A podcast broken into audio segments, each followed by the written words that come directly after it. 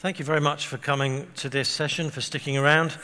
Uh, for those of you who have been here all, all, weekend, this will be, I hope, a bit like some of the edited highlights, maybe, as we kind of recap some of what we've looked at. But for those of us who weren't here yesterday, I hope this will be a, a kind of a useful exercise for us. Um, we're going to look at a few different passages. They're very kindly going to have them on the screen for me. Um, so, we're going to start with Mark chapter 10, and I want to begin by talking about um, a conversation I had a few years ago. I had just preached at one of our Christmas services back home, and someone who had come to church for the first time came up to me at the end of the talk and said, and really, you can't ask for better feedback if you've just preached a sermon. This guy said, I was really interested in what you said about Jesus. Uh, would it be okay if we met up and had lunch, and you told me more about following Jesus. Okay, as a pastor, that's what you want to hear. Okay, you would pay money for someone to say that to you. And he was terribly, the, the funny thing was, he was so apologetic. He's like, I don't, I don't want to bother you, I don't want to be a problem, but would it be okay if we talked about Jesus? And you're thinking, well, I'll try and fit that into my, my busy pastor schedule, but yes, it would be okay to talk about Jesus. So, me and this, this gentleman had lunch, and during the course of the lunch, he told me that he was gay, that he'd been in a, a relationship for many years, I think for about 15, 20 years or so. And he said, I'd love to know, before I think about following Jesus, I need to know what Jesus thinks about sexuality. So I remember thinking, that's, that's not normally where I want to start for sharing the gospel with someone. But it was where he wanted to start.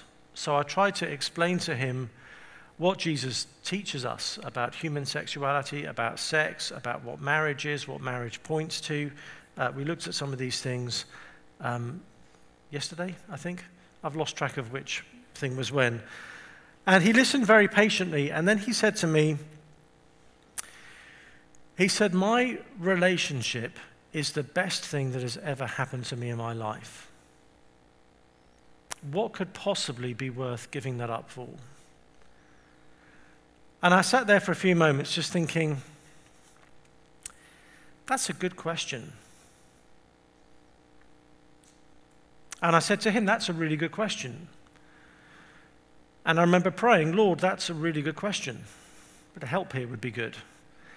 And I could have answered his question by saying, Well, you, you get forgiveness of sins, you get fellowship with Christ, you, you, you get to know your Creator. You get the certainty of being with Him in a new creation. Those things are all beautifully true. But it was a here and now ground level question that really was looking for a here and now ground level answer. And the passage that came to mind is this one in Mark chapter 10. Uh, we touched on this last night for those of you who were here. Uh, we've just had the account of the rich young man. That's ended kind of sadly. He looked like he was going to be an amazing disciple, but turned down being a follower of Jesus. So he kind of walks off saddened by that. Peter then says to Jesus in verse 28 See, we have left everything and followed you. Peter saying, in effect, listen, Jesus, you've got us amazing disciples. So don't feel too bad that that guy didn't turn out to be a disciple because we're amazing and you've got us. Look, we've left everything. We are your A team of disciples. And Jesus says these words to Peter, and this, this is an amazing promise that Jesus gives. Uh, verse 29 Jesus said, Truly I say to you, and, and when Jesus says, Truly I say to you. That's his way of saying this bit really, really matters.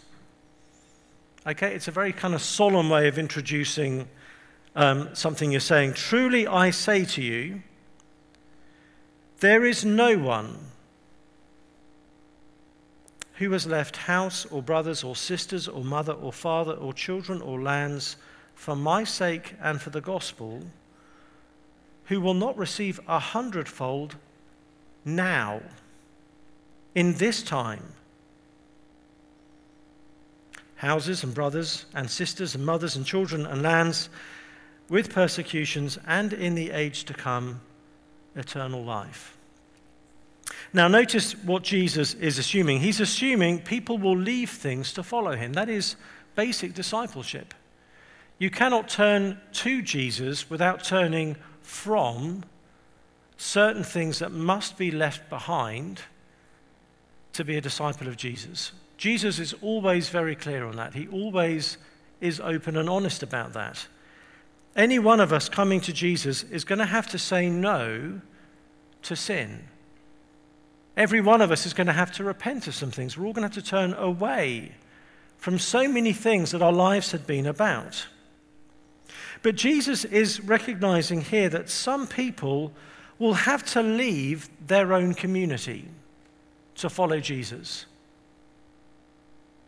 Uh, maybe because their community would never accept them if they were a follower of Jesus. We can think perhaps of some types of, of background people might come from today, where if they became a Christian and were known as a Christian, they would not be welcome in their own family.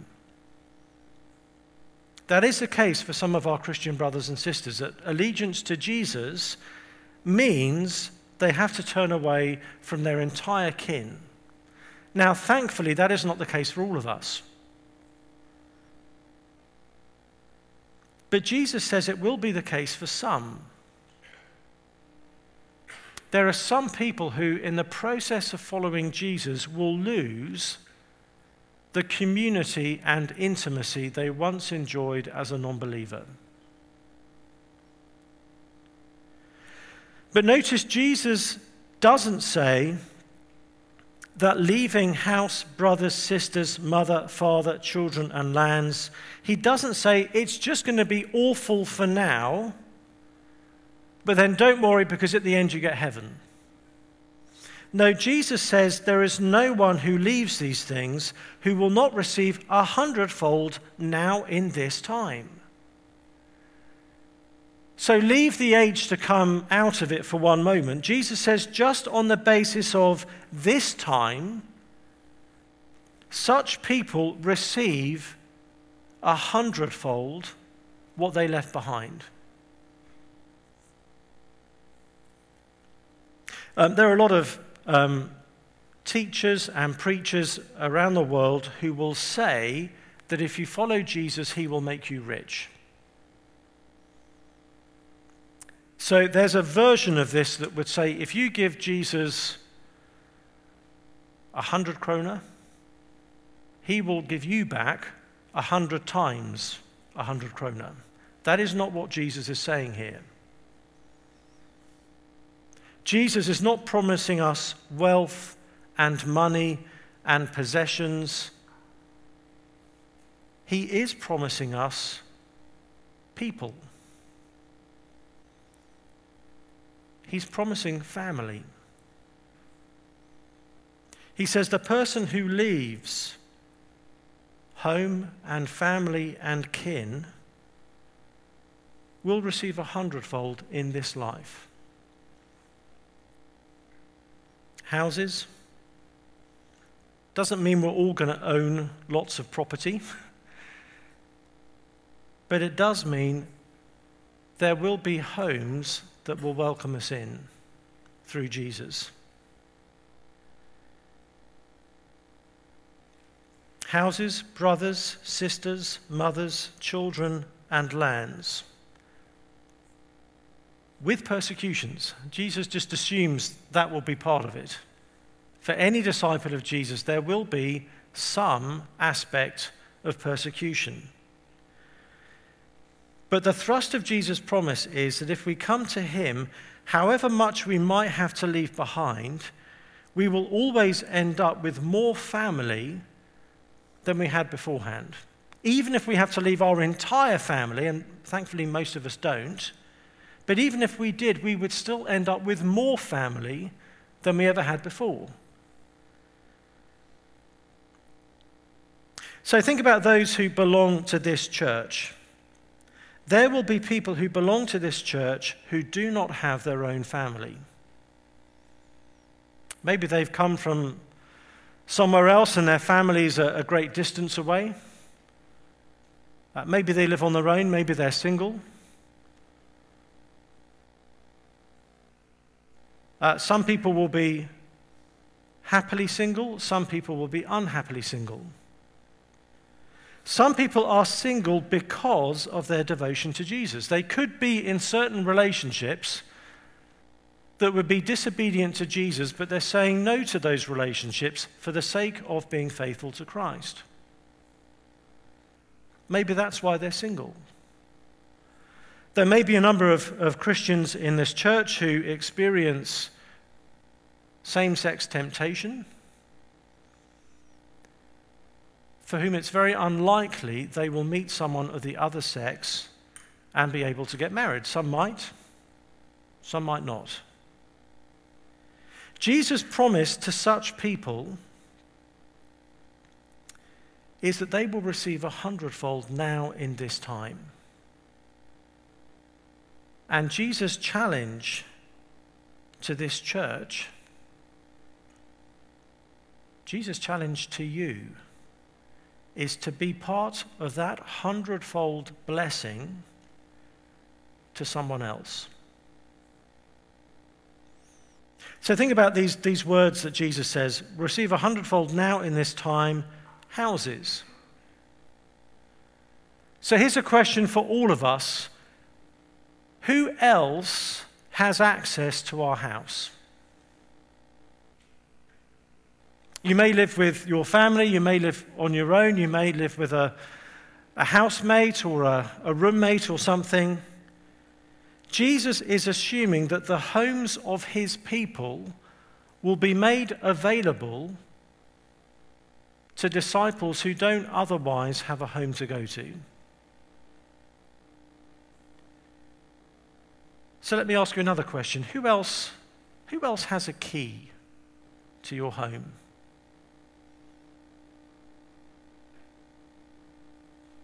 Um, I've got a little um, pot in my living room at home. It's where I keep my wallet and things, so when I leave the house, I know where those things are because I'll lose them otherwise. One of the things I have in that pot is two or three keys that have been given to me by some very dear friends. One is a family in the north of England, one is a, a couple in New York. I'm often visiting the States. And the other is a, is a family in Nashville. But they've said to me, This is your key because we want you to feel as though this is your home and we're giving you a key to show you you don't need to phone us up beforehand to ask if it's okay to come round. You can just let yourself in. Nothing has made me feel as much a part of someone else's family as being given a key. Because being given a key is a, is a way of being told, you can take us anytime. That is Christian hospitality. Too often for us, hospitality is I'll have someone round when I know I can make a special effort to entertain them. And that's so often what we do, isn't it? We'll think, well, we'll make the house look unusually tidy. We'll cook the kind of meal we don't normally eat. Everyone will be on best behavior. And what we will show people is the Instagram version of our life but not the real version. Jesus is calling us to open up our houses, our homes, our apartments to the family of God. In fact, Jesus is promising other believers in your church access to your house. So you either open up your home life to others who will need it, or you call Jesus a liar. It's very challenging, isn't it? And lest, lest I be misunderstood, it, I'm not saying the families need to do this for the singles. I'm saying all of us need to be doing this for those around us that we feel might most benefit from it. And what we will discover in the process of doing that is that we benefit from doing it. This is how God does these things. We think, I'm going to do this to help them. The very act of doing that is a means by which you end up being blessed. Uh, the writer to the Hebrews talks about how we can be, sometimes we can, we can have angels around without realizing it. If we're willing to open up our home life to other people, there may be so many blessings that come our way because of doing that. Encounters we never would have had, things we will learn. So, please don't underestimate what can happen for the kingdom of God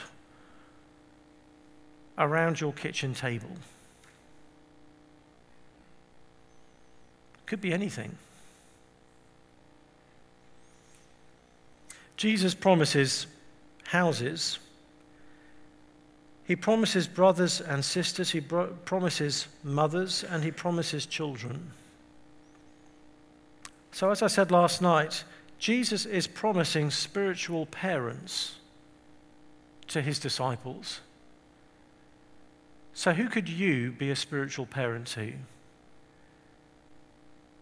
Who do you know that is younger than you in the faith here that you could think, you know what? I'm going to, I don't know everything, but I'm going to, I'm going to pray for that person regularly. I'm going to try and encourage that person. I'm going to share some of the lessons I've learned the hard way. I'm going to try and, and, and share with them.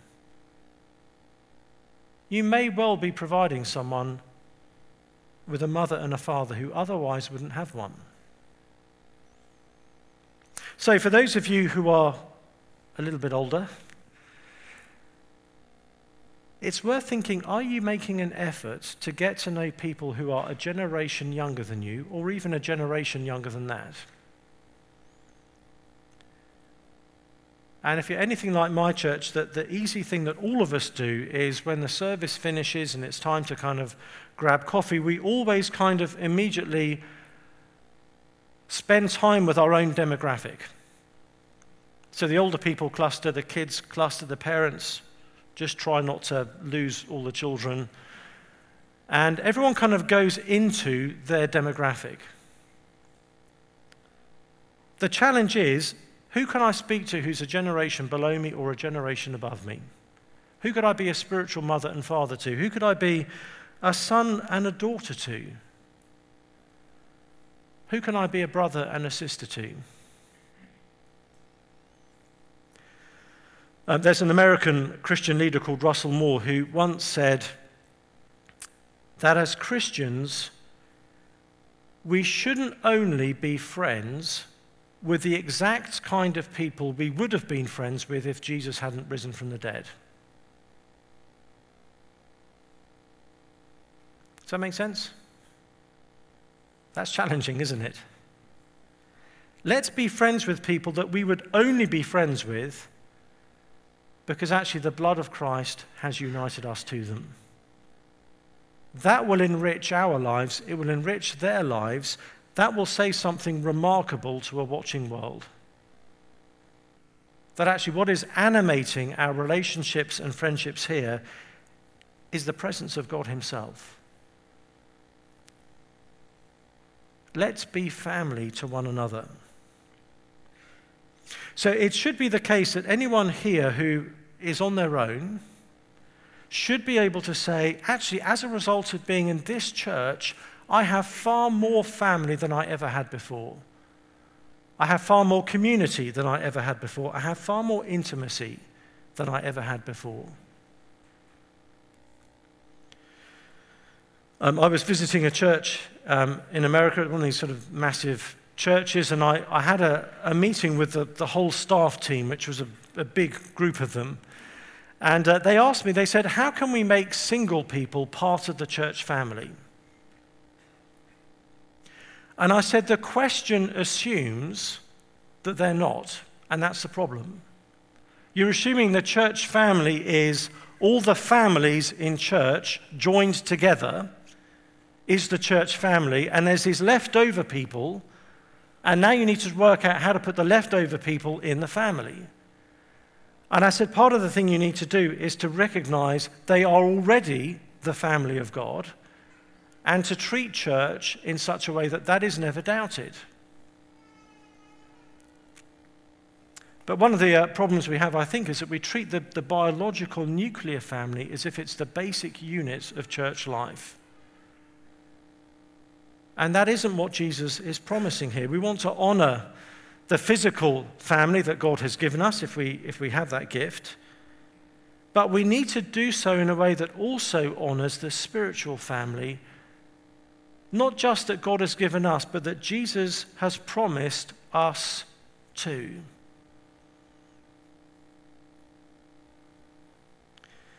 Uh, one of the things I was sharing yesterday is we need to recover um, a biblical understanding of friendship.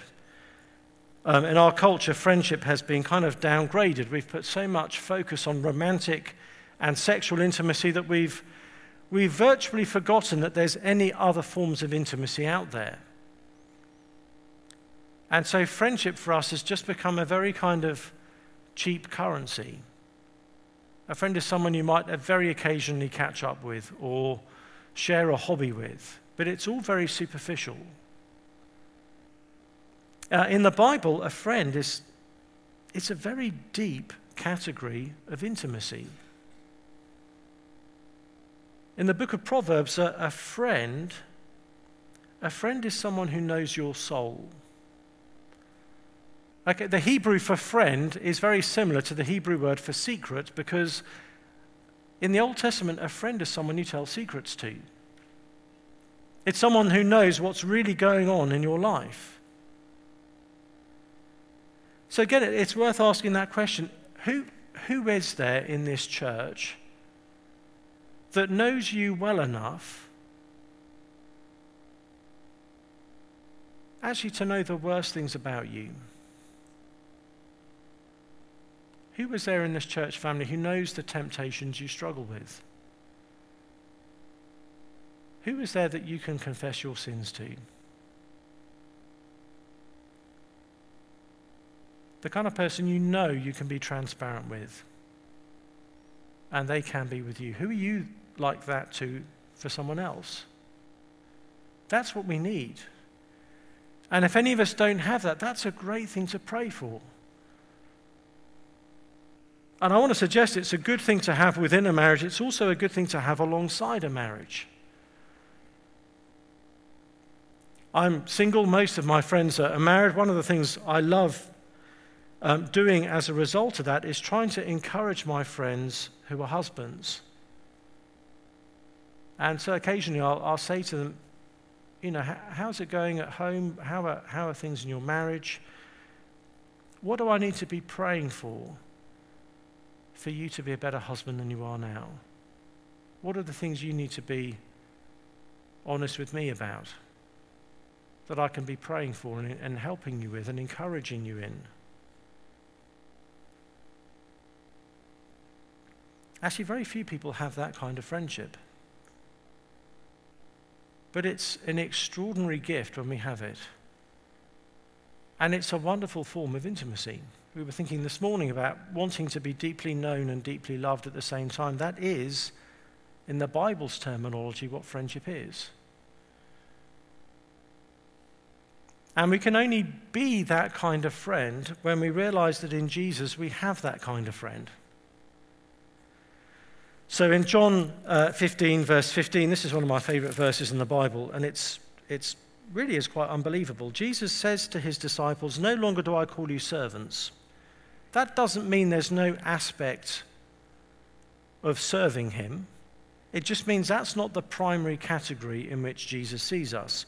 He says, No longer do I call you servants, for a servant does, know, does not know what his master's doing. We are servants, but we're also more than servants. Jesus says, Instead, I've called you friends. Because all that I have heard from my Father, I've made known to you. Jesus is saying, I'm calling you friends precisely because I've not just given you the, the kind of the edited highlights of what's going on. I've not filtered what you are knowing from me. He says, I've called you friends because all that I've heard from my Father. Just imagine how much Jesus has heard from his Father Jesus is saying, I'm not holding back any of that from you. I'm letting you in the whole way. Therefore, that makes us friends. Now, because Jesus is that kind of friend to us, we can be that kind of friend to others. When we realize we have someone like him who knows us exhaustively and yet loves us infinitely, it gives us a security. It gives us a, a posture of openness that means we feel safe being vulnerable with others because we know we have Jesus.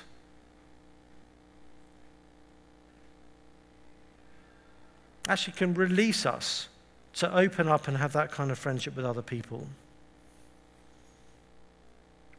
So there will be some in the church who might live on their own, maybe they, they choose to. There shouldn't be any in the church who feel as though they are not truly known. There shouldn't be any actually who feel lonely.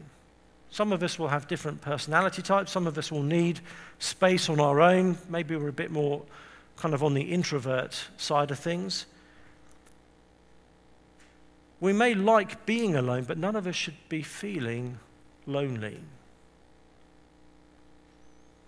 Um, another way the Bible speaks about this again is, is by referring to the church as being a family. So, uh, 1 Peter, sorry, 1 Timothy chapter 5, uh, verses 1 and 2, Paul is writing to Timothy, who's a, a younger man, he's a pastor. And this is what Paul says to him. He says, Do not rebuke an older man, but encourage him as you would a father. Younger men as brothers, older women as mothers, younger women as sisters in all purity. Notice Paul is saying, Don't just treat the church as family, but treat them as close family. So treat older men as fathers. He doesn't say treat older men as great uncles, but as fathers. Treat younger men not as distant cousins, but as brothers. Older women as mothers. Younger women as sisters in all purity. That is how we're meant to see each other not loosely connected, but actually as being close family, because that is what Jesus has made us. Um, back a couple of chapters, 1 Timothy chapter 3, uh, verse 15, Paul uses a couple of pictures to describe the church. He says, I'll read from verse 14, he says, I hope to come to you soon, but I'm writing these things to you so that if I delay, you may know how one ought to behave in the household of God, which is the church of the living God, a pillar and buttress of the truth. Okay, so Paul, two, Paul uses two images household of God, that means family, and pillar and buttress of the truth. Now that sounds odd to think of the church as being a pillar and buttress of the truth, a pillar holds up the, the, the roof, holds up the ceiling, a buttress kind of keeps the building from falling down. And Paul is saying the church does that for the truth. Now, that feels like it's the wrong way around. We, we tend to think actually the truth is what holds up the church. If you take the truth away, the church will topple. But there's also a sense in which the church is the pillar and buttress of the truth because the church is God's outlet of the truth in this world. And so the role of the church is to hold up the truth and to hold it forth into a world that desperately needs to hear it. Does that make sense?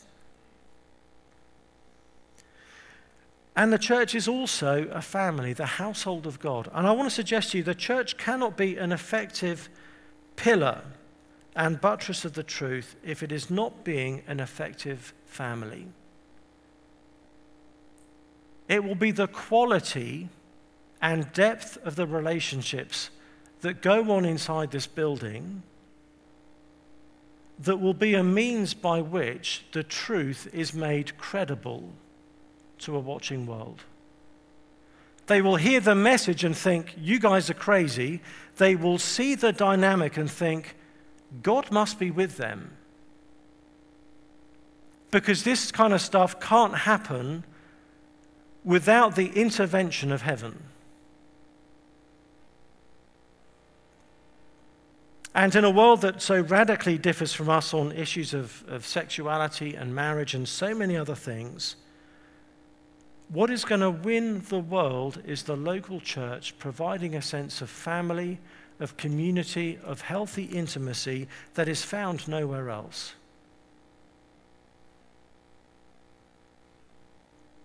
When gay people come to Christ, and flourish in a church in a way they never would have flourished outside of it. Where single people can say, Do you know what? I don't have any biological kids and I don't have any f- biological siblings around here, but I have a ton of brothers and sisters and sons and daughters and mothers and fathers in this building. That will be our way of proving to a watching world that Jesus is worth it and that the gospel is real. I'm going to pause there because it'd be good to have some questions on these things. So, our runner, look at this, poised and ready. Let's try and keep these questions so they go from one end of the building to the other. We'll have a few from upstairs just to make him really get some, some good work as well. Yes, thank you. Yes, um, I just want to first say thank you for the weekend. It's been really interesting, really challenging to hear you. Uh, this about fellowship has been uh, my prayer, and uh, I know many others uh, that have prayed for this, mm. For the fellowship in this congregation, especially. So I think you're part of an answer. uh, for the prayer. Uh, I think uh, apart from our personal revival and repentance that I think we all need for for this to become or to feel like a family, do you have any practical tips for perhaps this congregation that is a rather big congregation in Norwegian standards as well, uh, at least a couple of hundred do you have any yeah, practical tips for the church as a whole or this congregation as a whole? Mm. Uh, yeah, that's my Thank question. you. That's a great question. Um, in, a, in, a, in a congregation this kind of size, it's going to be difficult to know everyone really well. I think in a congregation this size, it's probably possible to know everyone's name, or at least most people's names. So that's a start, is that I'm going to know as many people as I can and try to know some of them particularly well. So Jesus, if you remember, kind of had concentric circles of relational investment. Uh, there were the 12 that he typically did life with and spent most of his time teaching. There was also the 72 that were, were also in a slightly less deep way, part of his orbit and part of his, his training. Within the 12, there were the three that he particularly focused in on. And we also know that within the three, there was the, the one we're, we're told the disciple whom Jesus loved. So, in as much as that's a useful framework, it, it, it I think is a, a pretty realistic model of how we can do life. We're not going to know every person in this room equally intimately. But we can try to know who everyone in this room is.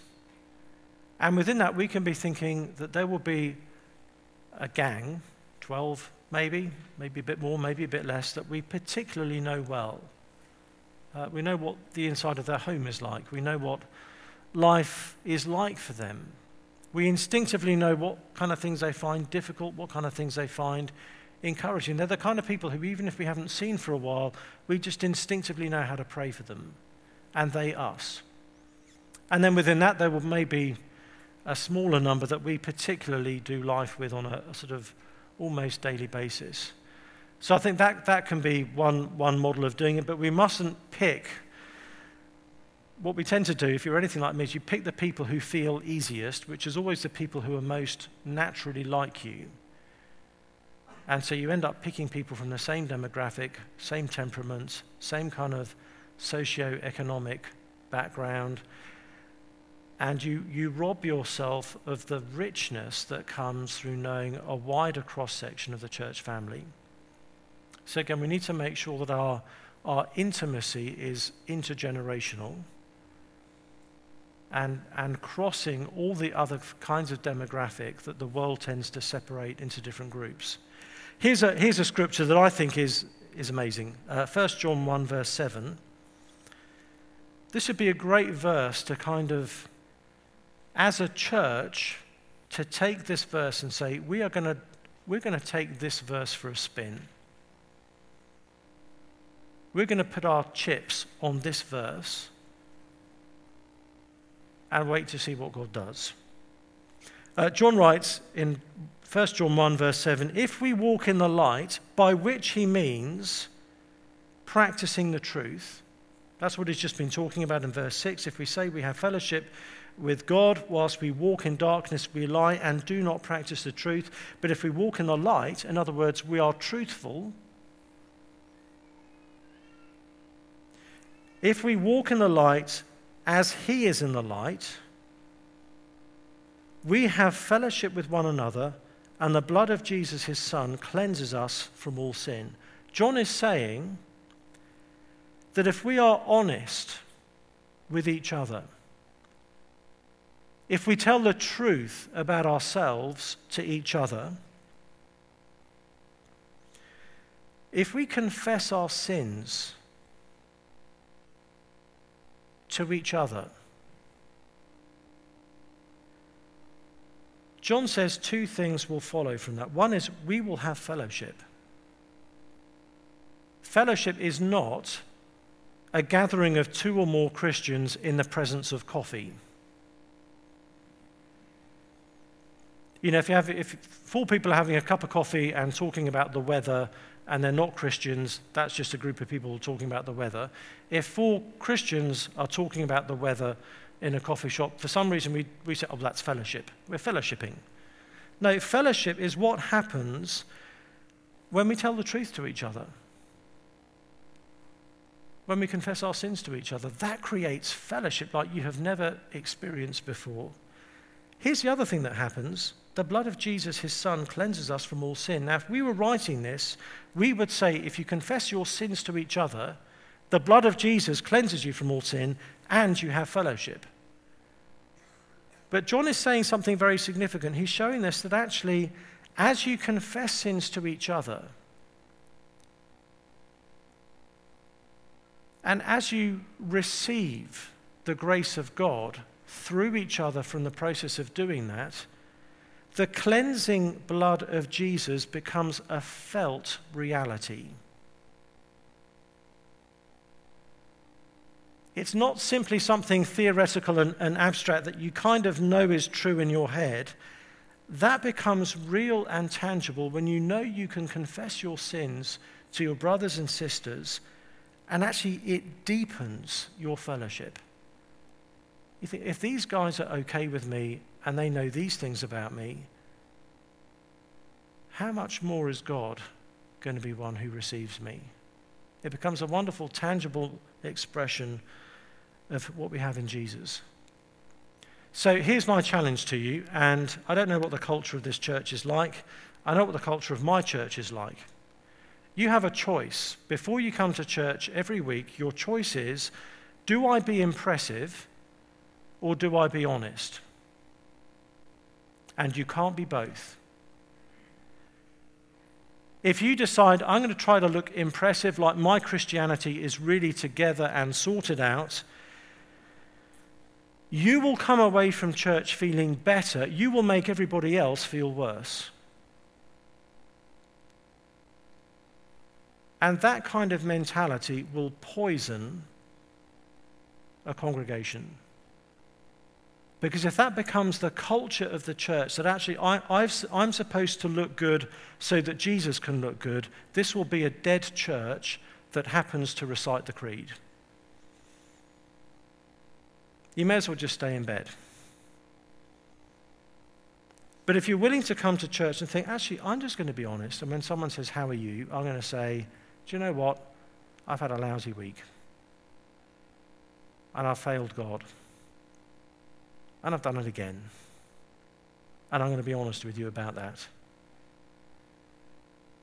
Then, actually, what you start to sow into the culture of church is we really do believe in grace. It's not I have to look good to make Jesus look good, but I can be honest about my need because Jesus really is sufficient.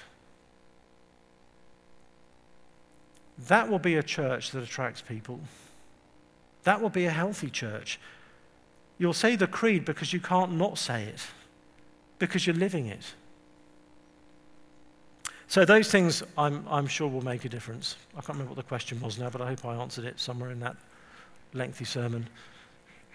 Thank you. Who's, who's next? Anyone from a significant distance so we can make him have to run? Anyone upstairs want to ask him a question? He's happy to fly up the stairs for you.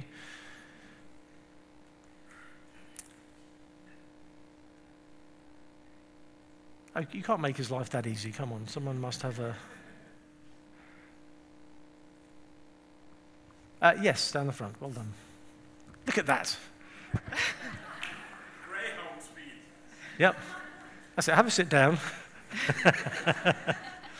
Um, if it's a, a gay couple who are married and have kids, do um, and they want to follow Jesus, do you think it's better for them to break up the family and yeah, with the kids? And what do you think about that? Thank you. That's such a big question. Um, you will hear the question, okay? Um, so here's, here's what happens anytime anyone comes to Christ. Um, virtually everyone who comes to Christ comes to Christ with all of their mess. And so part of discipleship is then thinking, okay, we are now making Jesus Lord of our lives, and therefore we're going to let Jesus reorder all the stuff that we've muddled up and made disordered. We're going to trust Jesus with renovating all the different areas of our lives that have become messy. So that this is the principle that applies to all of us. Uh, we all know that that process is both glorious and painful. As, as Jesus begins to turn our lives from upside down back the right way up, it's disorienting, it's bewildering, it means letting go of some things that we desperately want to cling to, it means embracing other things that we desperately want to stay away from. It means learning to love some of the things that we previously hated, and it means learning to hate some of the things that we previously loved. That is the case for all of us. So, what we need to be very clear on is that we're not asking a gay couple who come to Jesus to do anything we're not asking everyone to do. The, the question is simply how does that universal principle work its way out in this particular example? So, with any pre existing relationship that is unbiblical, where the people then become Christians, the question then is what is the, the appropriate biblical footing to put that existing relationship onto? In the case of a heterosexual cohabiting couple, sometimes the answer to that question is they now need to be married. That's the, that's the way of spiritually tidying up that relationship. In other cases, it may be actually it's not appropriate for this couple to remain romantically and sexually involved. They need to reconfigure their relationship to where it's now a friendship. And I think that's the appropriate case for a gay couple. They now need to, to think in terms of, of friendship rather than of, of being romantic and sexual partners. But recognizing that in, friend, in, in the Bible, again, we're still talking about something that is is not superficial. And what that will then look like may vary from, from couple to couple. Um, uh, if they've been living together, they will need to rethink their living arrangements to better express what is now the appropriate way of, of relating to each other. Um, I know of, of, one instance at a friend's church where this happened. A lesbian couple came to faith, And we're just we're kind of starting to think through, okay, what, what is this now going to look like for us in our own friendship? And one of the people from church said, Listen, I live round the corner from you, and I have a spare room, so why doesn't one of you come and live with me? That way you're under separate roofs, but you're still nearby. So you can still be good friends to each other. They had a child, it means the child can still see, you know, a good, a good amount of both of you. I thought that was, a, that was a wonderful way forwards in that instance. But that there are two mistakes we can make on this. One is a more liberal mistake, one is a more conservative mistake. The more liberal mistake is to say, oh, it's just fine. Jesus loves us as we are, therefore, the way we are as we are doesn't need to change. Jesus loves us as we are because of what Jesus is like, not because of what we're like.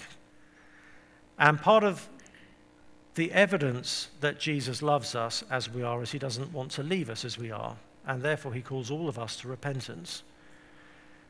So it will have to be reconfigured. That's, that's a kindness to put people on the kind of relational footing the Bible permits rather than prohibits.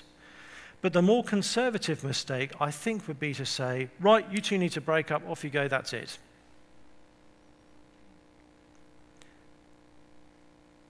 The Mark 10 response is to say if, if this is going to be part of what you need to turn away from, if this is part of what you're going to need to leave behind in your hearts, we need to make sure that as, as a church community, we are filling up in biblically healthy ways the gaps that this repentance is going to leave behind.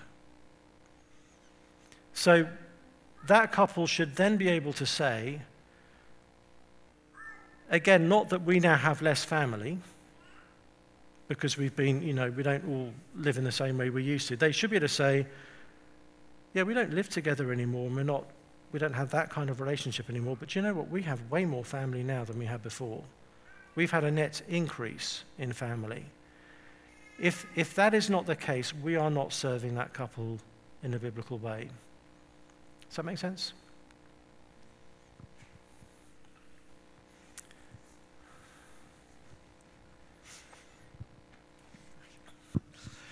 Hi, thanks so much for what you've shared so long so far. It's been really good. Um, my understanding of many of the arguments you've used so far has been kind of targeted to Christians who have a concept for eternity and what sex and ide- identity is pointing to beyond itself, the, the, marriage of God and His bride. I'm just wondering what kind of arguments you'd use if you're talking to a non Christian who uh, point blank rejects everything having to do with faith, and you can't use those arguments.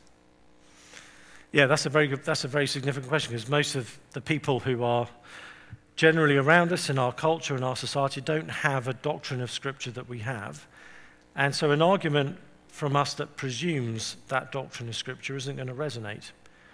And so it's no good saying to someone who's an unbeliever, yes, but the Bible says, because as you say, they'll turn around and say, well, I don't care. So I think there are different ways of, of doing this. Um, I may have said this already at one point this weekend, but actually, one of the significant things we need to say to people is my, my view of this won't make complete sense unless you understand who Jesus is. So if you have an issue with what I believe, your issue is really with Jesus, and you need to show me why I shouldn't believe in Jesus. So if you can sort that out, we can then progress in this conversation. That's one aspect of it. Another aspect, I think, is, is to say that I think there are still there are still ways in which we can commend the wisdom of God to someone who doesn't necessarily believe in God. So, one of the things I, I see in how the Bible talks about sex is that it is designed to be a means by which two people fully give themselves to the other person. So we see this in, in 1 Corinthians uh, chapter 7. Let me just read you a, a couple of verses. And this would have been earth shattering in the ancient world because Paul says, um, in 1 Corinthians 7, verse 3, the husband should give to his wife her conjugal rights, and likewise the wife to her husband. For the wife does not have authority over her own body, but the husband does. That bit would have been fine in the Roman world. Yes, of course, the wife doesn't have authority over her own body, the husband does. But Paul then says, likewise, the husband does not have authority over his own body, but the wife does. Do not deprive one another. Now, we have turned in our culture sex into a means of consuming someone. We've turned the other person into a commodity that's there to satisfy us. What Paul is showing us is that within the covenant of marriage, sex is designed to be a means by which you give yourself, body and soul, to the other person. It's not about self satisfaction, it's not about self expression, it's about self giving. And that will only be a sensible thing to do if it is within the context where you have already promised yourselves to one another. Because if you're giving this aspect of yourself and the person is not committed to you, then actually it's deep folly. So I think we can talk, and there, there are parts of our culture that recognize that. There was a really weird Tom Cruise movie uh, several years ago called Vanilla Sky. I don't know if any of you saw it. If you didn't, you haven't missed much. But there's a scene in that movie where Tom Cruise's character has a one night stand with Cameron Diaz's character. And later on in the movie, she challenges him about this and says, When you have sex with someone, your body makes promises even if you don't. Which is hugely insightful. It's one line in a terrible movie that I suddenly like, oh my goodness, that's wow, someone's got something there. And there's, there's truth to that. That actually sex is designed to, to bind two people together in the very in the, the kind of most deep and irreversible way. And if that's the case, it makes no sense to enter into that kind of union with someone you can't actually be united with because you are donating your soul to that person. So that is why I, I think that the Bible repeatedly shows us that sex is only for the covenant of marriage because you need to be within a framework where you have already made those commitments to one another. That may persuade some people, it may not persuade other people, but I think a lot of the wreckage we see around us as a result of our culture's sexual ethics is a reflection of the wisdom of God's ways. I don't think there's always a secular friendly army for uh, secular friendly argument for every aspect of the Christian sexual ethic. If there is, I'd love to hear it and to, to, to use it. But um, I think there are certain things we can say that the, this is how the Bible gives us unique insight into what sex is and does, and this is how we see evidence of that around us. I think that can help.